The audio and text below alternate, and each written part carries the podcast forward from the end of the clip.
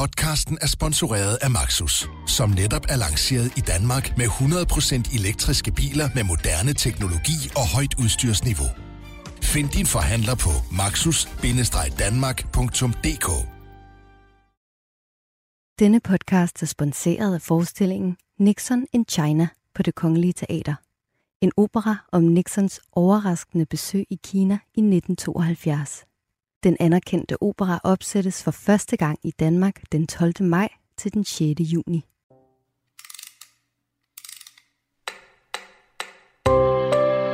Emma Gad for evigt. En podcast fra Berlingske.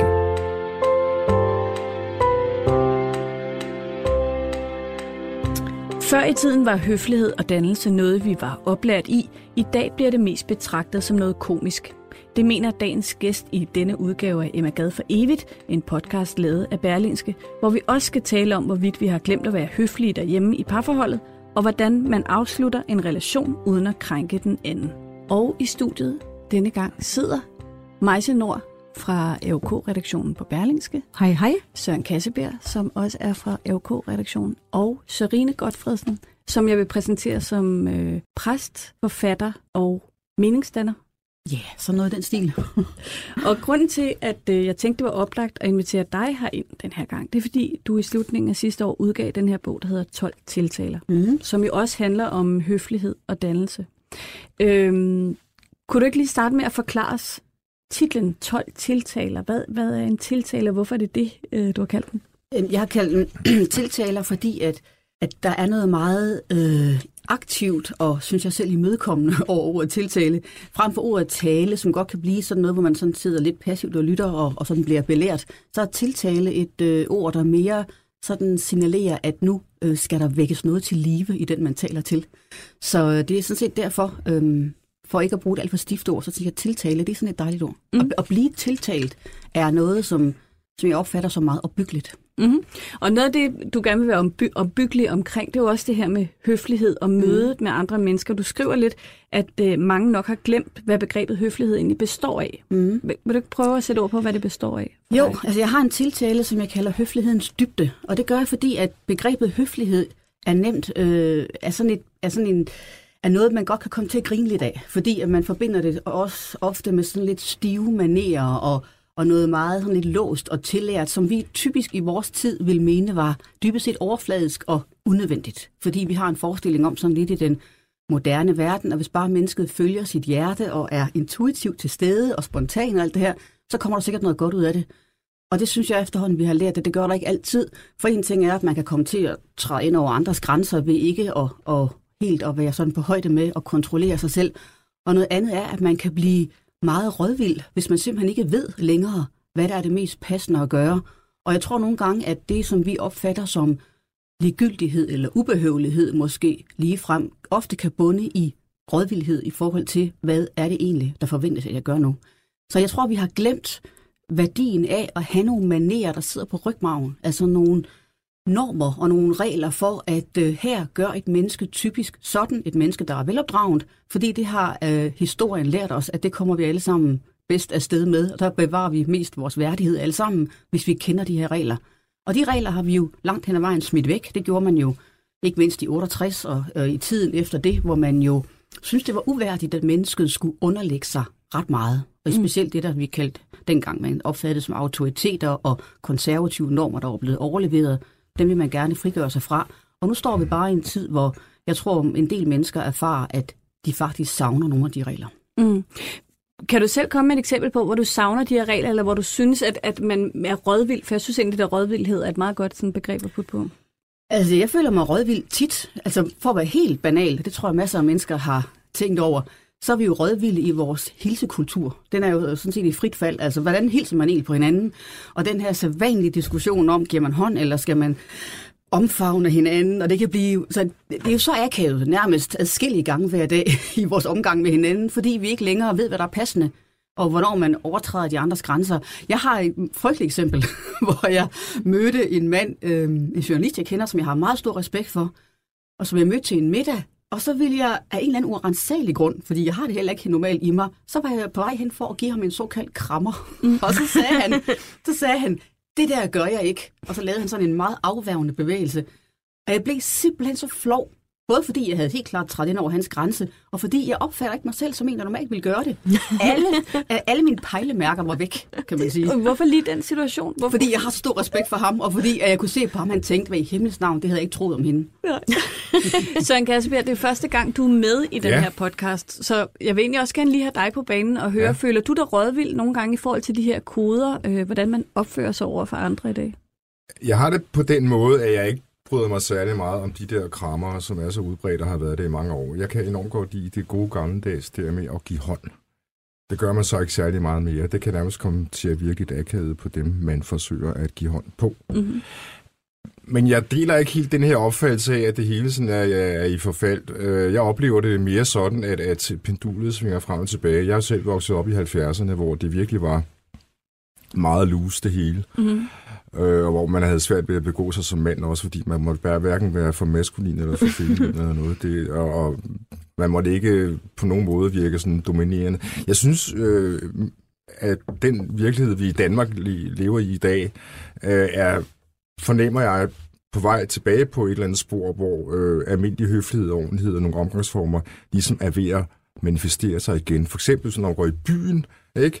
For ikke så mange år siden, der var sådan, du sagde øh, øh, tak til en tjener, så sagde tjeneren ja. For eksempel, ikke? hvis det er en yngre tjener. I dag oplever jeg mange steder, også unge mennesker, der altså er i stand til at øh, sige selv tak, for eksempel, hvis man siger tak, eller, eller øh, henvender sig høfligt øh, til en. Og nogle gange siger de også de, fordi de synes, man ser så gammel ud. Så har jeg aldrig oplevet.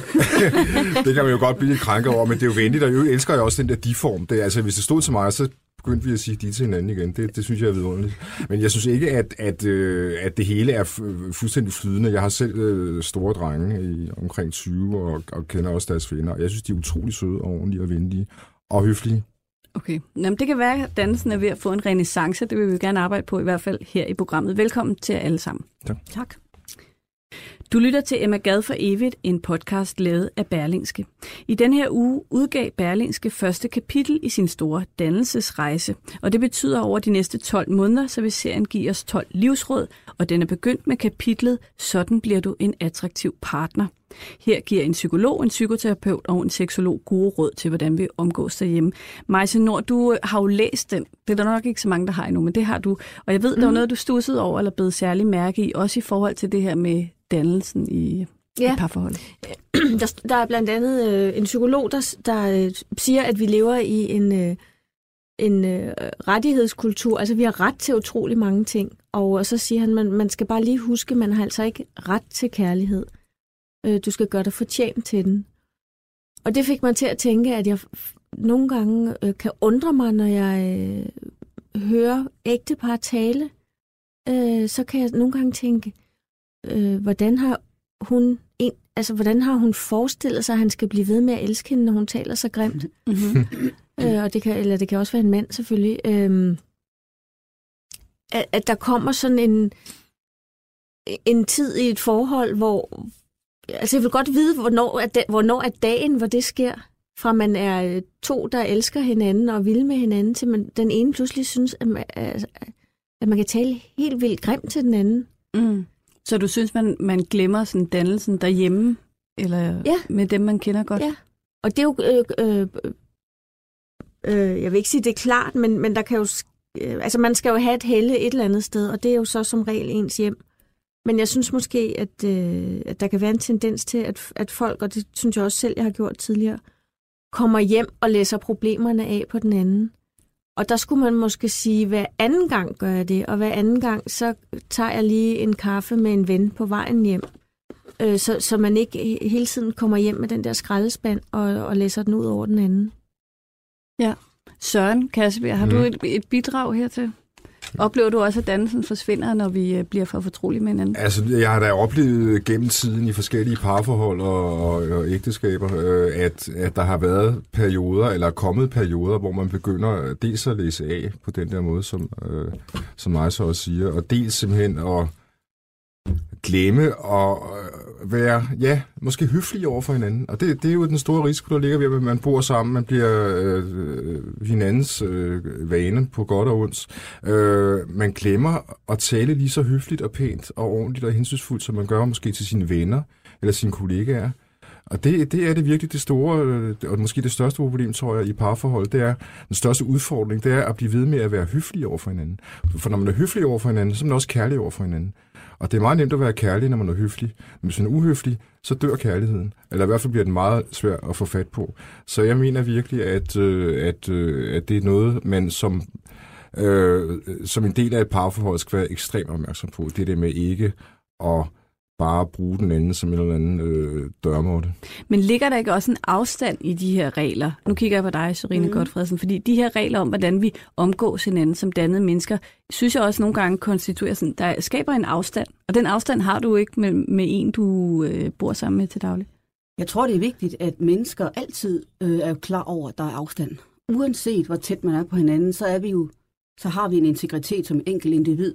Og hvis man overskrider den med nogen som helst, så overskrider man den der grænse, hvor der kan hvor man kan blive, hvor man kan øh, slide for hårdt på hinanden, eller komme ud i nogle rum, hvor man ser for grimme sider af hinanden. Ingen skal nogensinde se alle mine grimme sider. Noget skal vi holde for os selv.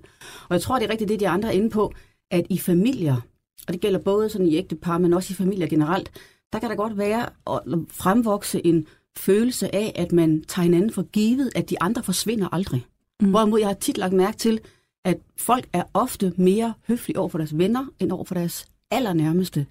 Fordi vennerne regner man med, at dem skal man kæmpe lidt for at beholde. De er lidt længere ude i, i, i, i et andet rum, end de allertætteste. De er der bare. Og dem, der bare er der, dem kan man begynde til sidst at vade henover, hvis man ikke er opmærksom på det. Men afstand er et rigtig vigtigt ord. Det er der også, når Søren taler om at sige de.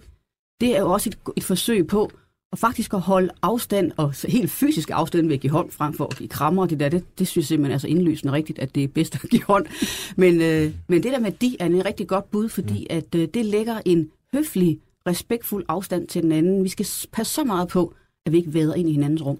Ja, det er netop det, øh, der er pointen, synes jeg, at, at den øh, afstand, som øh, høflighed og høflighedsnormer skaber, at det er den gode afstand. Mm. Det er en afstand, der giver plads som giver plads til respekt, og som også giver plads til faktisk kærlighed. Det er meget nemmere at, at have det gode, den gode relation til et menneske, hvis der er høflighedens afstand, fordi høflighedens afstand skaber respekt. Så, så altså afstand behøver ikke være noget dårligt. Afstand kan også give nærhed, om man så må sige, på den fede måde.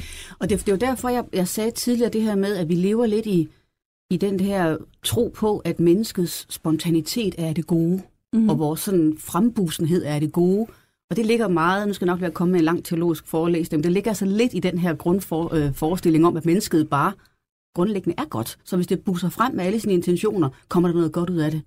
Og der opdager man bare i løbet af livet, at der kan lige så godt komme noget akavet, malplaceret, groft, ufølsomt ud af det. Og den afstand, som Søren taler om, det er lige nøjagtigt den afstand, hvor vi har rum til at begå fejl, uden vi af den grund fuldstændig været ind over den anden, fordi rummet, det neutrale rum, er der. Mm til at samle de her fejl op. Nu siger du, du, du ikke skal komme med det lange teologiske fordom. Jeg er alligevel nysgerrig. Det er så sjældent, vi har en præst i studiet. Ja. Fortæl lige, hvordan du mener, at det hænger sammen Jamen, med det er fordi, at i, i, i, i, øh, i, i kristen forstand, der er der jo en, en tro på, at mennesket sådan set rummer det onde i sig. Og det er jo en, det er en tro og et, et menneskesyn, som er virkelig sat under pres i den moderne verden, fordi vi har et meget mere psykologisk, terapeutisk menneskesyn i dag, hvor vi har en forestilling om, at vi egentlig starter med at være gode og rene, og så er det samfundet og kulturen og opvæksten, der sådan sætter andre ting ind i os. Hvor den kristne vil sige, i hvert fald den kristne, som jeg er, at du har hele tiden det destruktive i dig. Du er sådan set født med det. Og det skal man også tage højde for, når man taler om opdragelse og normer og høflighed, at der er sådan set hele tiden noget, der skal holdes i ave, fordi der er øh, en kraft derinde, der ikke bare er charmerende, hvis den folder sig ud. Men netop forskellen på det der med, om man er charmerende helt igennem, eller hvordan man fremstiller sig, det ved jeg, du har tænkt over, fordi vi talte om, at du skulle skrive en, en kontaktannonce Ja, øh, og det var faktisk øh, utrolig grænseoverskridende, fordi det har jeg aldrig prøvet før. Øhm, men det var, fordi vi før programmet talte om øh, det der med, hvem man er i virkeligheden, og hvem man gerne vil være. Mm-hmm. Øh, og der kan, der kan være ret stor forskel. Og så tænkte jeg, hvis jeg nu skulle skrive en kontaktannonce, der var ærlig, øh, så ville jeg skrive noget i retning af. Kvinde, der godt kan lide både egne og andres børn, faktisk bedre kan lide børn end voksne. Jeg er ret glad, indtil jeg bliver skidesur. Jeg føler for mit arbejde, men det er ikke det, der primært giver mig identitet. Jeg er 51 år, eller jeg... Gud, der har jeg givet mig selv et år til her. Nå. Jeg er 50 år og fraskilt, bor der, hvor de rige bor, men i en lejlighed på størrelse med de riges køkken. Jeg taler for meget og en smule doven. Ja. Og det var fordi, jeg tænkte, når, nu vi, hvor vi taler om dannelse, så tænker jeg, at der er faktisk noget enormt uhøfligt i at lyve fra starten. Mm. Øh, det der med, at man stiller sig an, og det kommer vi nok alle sammen til, når vi, når vi møder et menneske for første gang. Især et menneske, vi gerne vil have, skal kunne lide ind. Så, så viser vi øh, øh, nogle, de gode sider, og måske også nogle sider, som ikke helt er os alligevel. Og så, så kan der jo ske det, at man først finder ud af, hvordan den anden er efter et år. Mm-hmm. Der, hvor man begynder, hvor man knapper bukserne op og, øh, og, og slapper af. Ikke? Mm-hmm. Øhm, og øh, lade øh, dellerne hænge ud. Øhm, og det er faktisk lidt uhøfligt, tænkte jeg, fordi så har den anden jo investeret en masse tid og følelser i en menneske, som man ikke er, men som bare var den, man gerne ville være. Mm. Nu, nu er en del af det her program er jo også, at vi rådfører os med Emma Gade. Hun skriver enormt meget om hjemmets tone og livet derhjemme. Øh, og der vil jeg sige, at der er noget af den her afstand eller stillen sig an hvordan vi nu vil vælge at betegne det, øh, fordi hun hele tiden siger, at den vigtigste betingelse for, at der skabes en god tone, er ligesom, at man giver plads. Her er så også nogle lidt gammeldags mm. kønsroller, i og med, at kvinden skal give mere plads til manden, som har brug for at tænke og trække sig og sådan noget. Øh, og så bliver der selvfølgelig lagt øh, vægt på den indbyrdes kærlighed og det gode humør, altså det her med, at man ikke ligesom øh, brokker sig derhjemme, det må man gøre et andet sted. Nu er Emma Gad her jo ikke, men vi har heldigvis Inge Koral med på en telefon. Er du med? Goddag, ja, det er jeg. Det er en meget spændende diskussion, må jeg nok sige. Ja. Noget kan jeg absolut godt følge, og andet siger, det må jeg nok sige, det er da en ny verden, vi lever i. Nå, så vil jeg da gerne starte Men med at spørge dig, hvad det er, du, du, øh, du undrer dig over, eller synes er, er nyt af det, der bliver sagt her? Jo netop, at, at man kører meget på, at jamen, det er andre tider, og tingene har ændret sig. Det har det også. Men øh, jeg ved ikke, almindelig dannelse og høflighed og ordentlighed, øh, det, det, det er jo noget, der aldrig bliver umoderne. Og jeg vil sige, øh, netop når Søren også nævner, at det er, er rart, at de formen på nogle felter er ved at vende tilbage, for det, det er absolut mit indtryk også.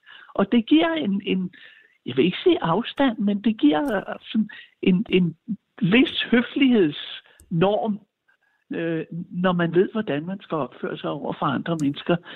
Men øh, ja, jeg ved ikke.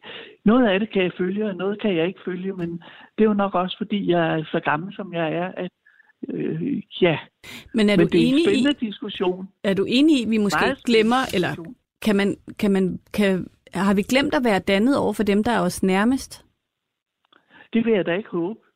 For jeg, men på den anden side, man skal jo heller ikke Øh, holde ting helt privat for sig selv, hvis man har, har en ægtefælle eller en samlever. Det er jo der, man tit får et modspil. Og jeg plejer gerne at sige, at man kan sige alt til andre mennesker, bare man gør det ordentligt og finder det rette tidspunkt, og der ikke er andre, der hører på.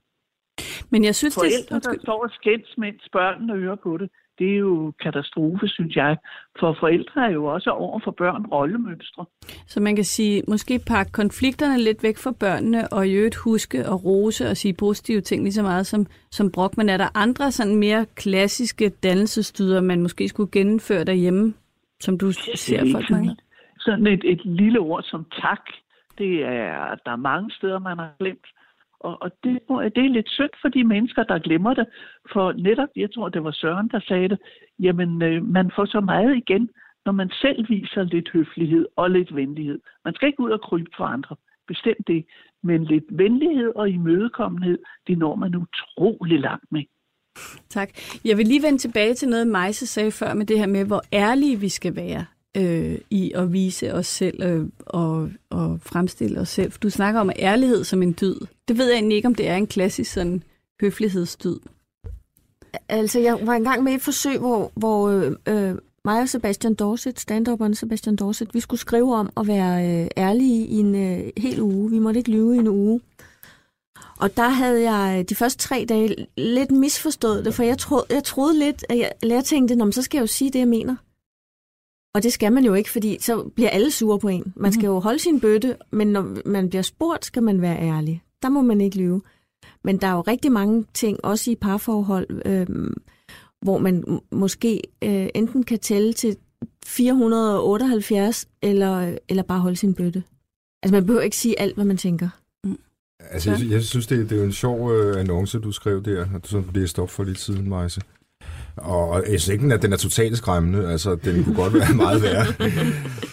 Ja, jeg synes, noget af, det, øh, noget af det smukke, jeg har oplevet, sådan, når jeg har, øh, har datet øh, eller mødt nogen i mit lange liv, øh, kvinder, det har jo netop været, at de har vist sig fra deres øh, smukkeste og fineste side, når man mødte dem. Altså, det, den oplevelse vil I nyde øh, gå glip af, i stedet for, ja, dag, øh, jeg skal bare lige vide, altså, jeg sveder enormt meget under armene, og jeg, jeg, jeg er skide reaktionær, og jeg drikker. Altså, jeg, altså, altså jeg, det gør ikke noget, at, at det er så smukt og fint og lidt pakket ind, synes jeg.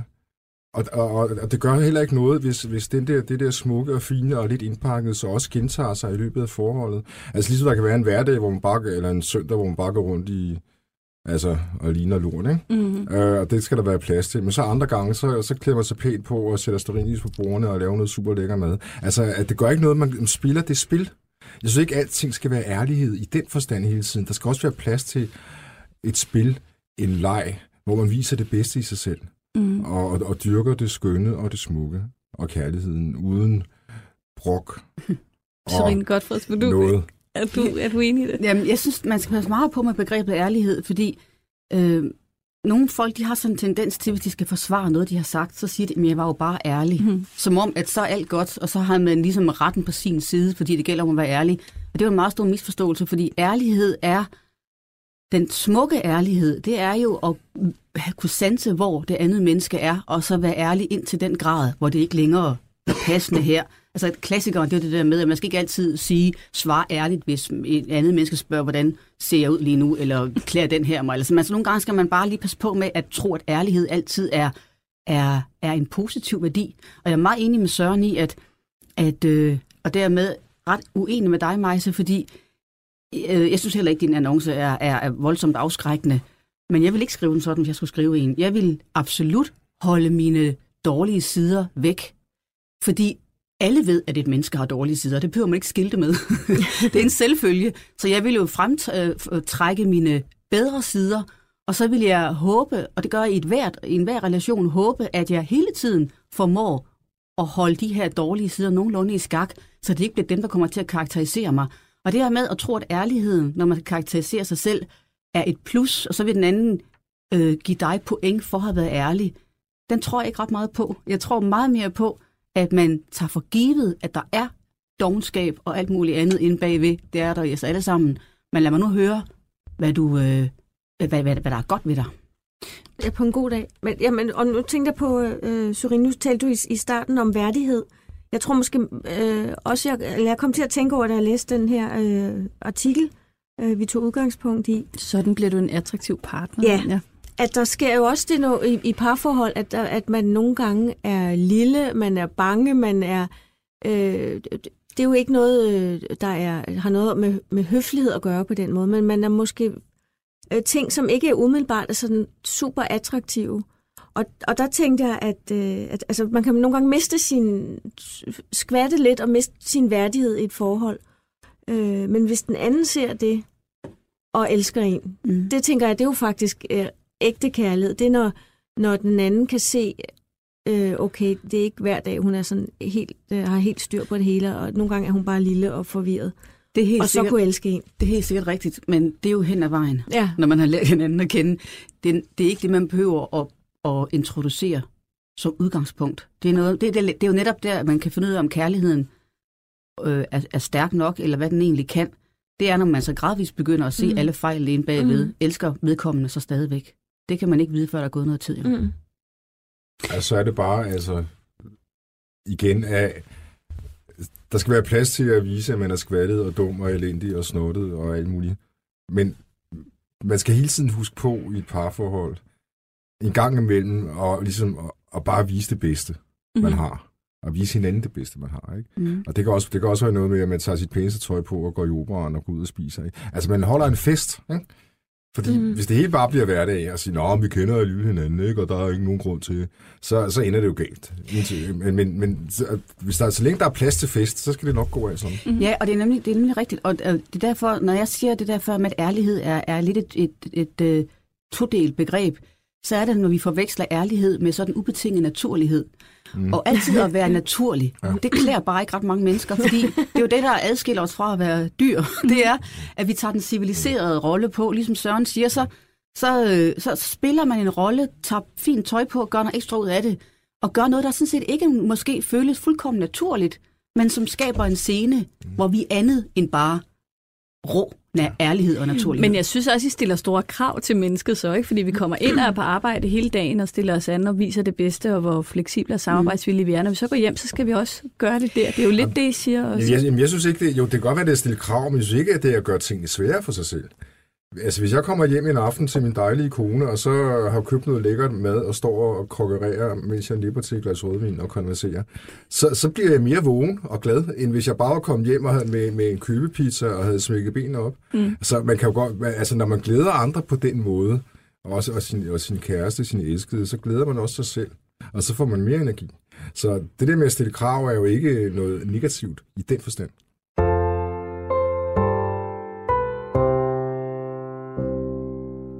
Du lytter til Emma Gad for evigt, en podcast lavet af Berlingske. Vi har lige snakket om, hvordan du bliver en attraktiv partner, men som del af den her podcast, der beder vi hver gang, i hvert fald gæsten, og nogle gange flere, om at komme med noget, der ligger dem på sinde, de gerne vil tale om i forhold til høflighed. Og Sørine Godfredsen, da jeg spurgte dig, om du ville komme ind, så sagde du, du vil gerne tale om, hvordan man afslutter en relation, mm uden at man krænker den andens værdighed. Ja. Prøv lige at forklare, hvad det kunne være. Jamen det er fordi, jeg synes, jeg har oplevet nogle gange i mit liv, at, at, at man får en relation til et menneske, og her tænker jeg ikke nødvendigvis på en kæreste-relation, men generelt en relation til et andet menneske. Og så kan man godt fornemme, at hvis jeg ikke gør noget, så vil det her, så vil det her udvikle sig til noget, som kommer til at forpligte mig. Og den anden har en forestilling om, at vi skal, vi skal, vi skal nå et sted hen sammen.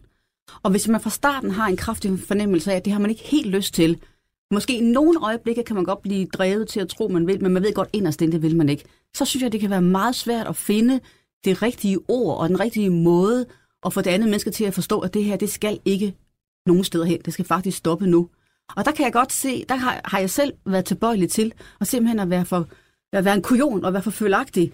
Og fordi jeg mangler, jeg mangler, øh, jeg mangler øh, midlerne til at lave den værdige afsked med et andet menneske det jeg synes jeg virkelig er svært.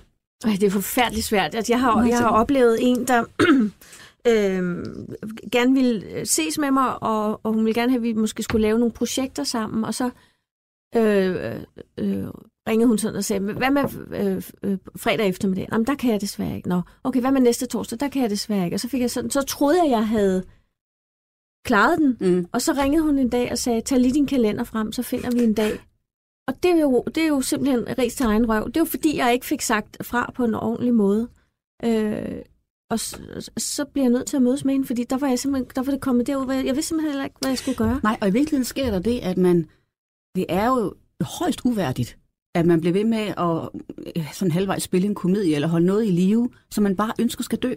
Det er lidt ligesom, hvis vi har en, altså vi, øh, det er sådan lidt et spring, men hvis vi ikke ved, hvad vi skal sige til et menneske, som øh, har mistet en. Mm. Det hvad siger man til en i forhold til døden, for eksempel, ikke? Der har vi, mangler vi jo simpelthen en formel for, hvad er det, man siger her. Nogle de vælger så at sige ingenting. Og lidt det samme, når man øh, råder sig ud sådan noget som mig, som hun beskriver her. Jeg mangler simpelthen de der sætninger, så alle fatter, det er det her, jeg mener. Det er det, jeg kan sige. Og det kan jeg sige som en remse, som jeg ikke selv står og finder på på stedet, men som vi som kultur har vedtaget, det er sådan, man siger. Mm. Altså, jeg, jeg gør selv det, at jeg er bange for, at jeg bringer folk i den situation. Så hvis det er nogen, jeg ikke kender godt, og sådan ved, kan lide mig, så siger jeg, at vi kunne også se sådan i weekenden, hvis du har lyst. Ellers kan vi bare gøre det en anden gang. Jeg giver simpelthen, der er tre, tre kattelemme i sådan en sætning, hvor, hvor de kan, så kan de få lov at sige, at det kan jeg ikke, jeg har travlt den næste måned. Fordi så slipper man for den der. Men det er svært ved den afsked, uanset om det er en ven, man ikke øh, vil se længere af forskellige årsager, eller om det er en kæreste. Den svære er jo, at det, det, det er svært at være kategorisk over for et andet menneske. Altså at, at sige, bum, jeg vil dig ikke mere. Det gør simpelthen mm. ondt på en selv at gøre det. Øh, fordi det er at være ond. eller det er at påføre i hvert fald ondskab mm. eller kedattighed til et andet menneske, og det er der jo ikke ret mange af os, der kan lide eller kan holde til. Og det er derfor, vi så pakker det ind, eller prøver at ligesom lade det fade ud langsomt, indtil man har en bedre undskyldning for at stoppe. Men det er svært. I, I min bog der, som du nævnte, øh, 12 tiltaler, der, der, der har jo et, som sagt en tiltale om høflighed, hvor jeg nævner den der engelske serie Downton Abbey, fordi at de har simpelthen en måde at kompensere på, som er så fascinerende, fordi at de gennem næsten koder eller ramser kan få sagt nogle ting, hvor jeg kan sidde og tænke, det er helt vildt, så hårdt de egentlig behandler hinanden, men de gør det i et sprog, så alle kommer, kommer ud af scenen med en eller anden form for værdighed i behold, fordi det hele er pakket ind i de rigtige ord. Mm. Så man behøver ikke at tvære det ud, man skal bare sige en, en formel ting, som alle kender indholdet af. Det er det, vi mangler. Vi mangler et mere formelt sprog. Men tidligere her i programmet, der blev vi jo ret enige om, at en vis grad af ærlighed også er godt. En vis grad. Mm. Øh, kunne man ikke bruge den i denne her sammenhæng? Altså sige det, øh, som det er. Jeg synes, du er et spændende menneske, og jeg er glad for at have mødt dig, men jeg, jeg har ikke plads til flere venskaber, eller jeg har ikke, øh, jeg har ikke tid til det, men eller jeg kan ikke overskue det lige nu. Ja. Er lige præcis den person. Det, det er jo, altså den der med, det har ikke noget med dig at gøre den holder jo ikke, for det har jo noget med den person at gøre. Ja. For ellers ville man jo vælge den person til og en anden person fra, hvis man synes, at man ikke havde plads til så mange flere i sit liv.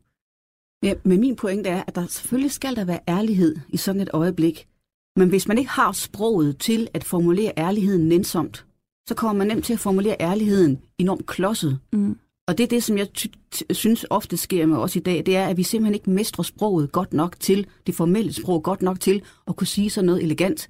Og så kommer det alt for bombastisk. Mm. Og hvis man ved med sig selv, jeg er en, der taler bombastisk, og jeg er dårlig til de der øjeblikke, så skubber man det, og skubber man det, og så gør, gør, gør, man, dybest det gør man dybest set kun problemet større. ja. Og så er der også den ekstra udfordring, eller det ekstra problem i dag, med, med, med hensyn til afskeder, og i det hele taget at sige noget, meget vigtigt eller ubehageligt, at vi har jo muligheden for at sende sms'er og mails til hinanden, ikke? så der kan, der kan man ligesom dække sig under mm. det.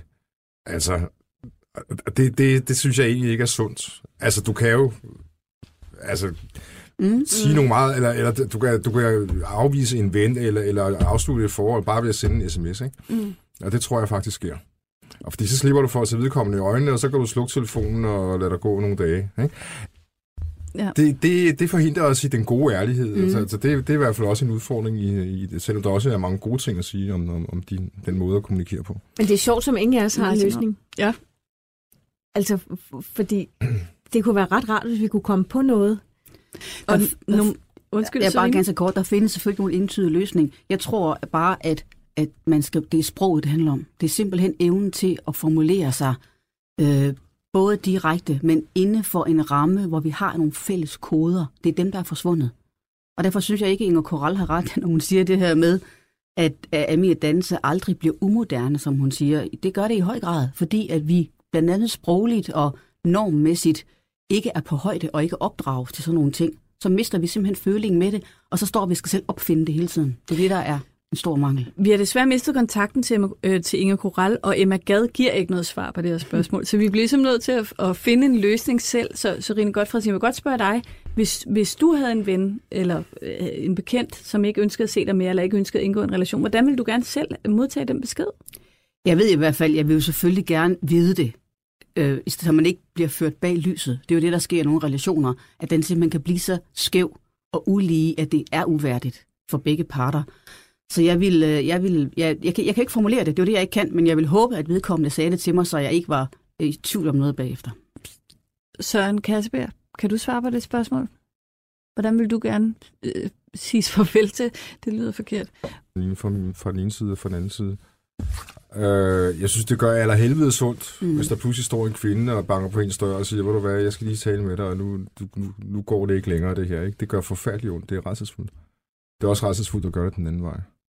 Jeg vil foretrække, at det bliver gjort på den måde. Det er lige, ligesom at give et plaster et sår på hurtigt, ikke? Mm. I stedet for, at det fader langsomt mm. ud, og man kan mærke, at det her det er helt galt, eller vedkommende. Det kan også være en ven, ikke? Forsøger at holde afstand uden at sige noget. Så jeg vil hellere have den pæne, ordentlige og hurtige afgørelse, end den her øh, langsomme trækken tingene i langdrag.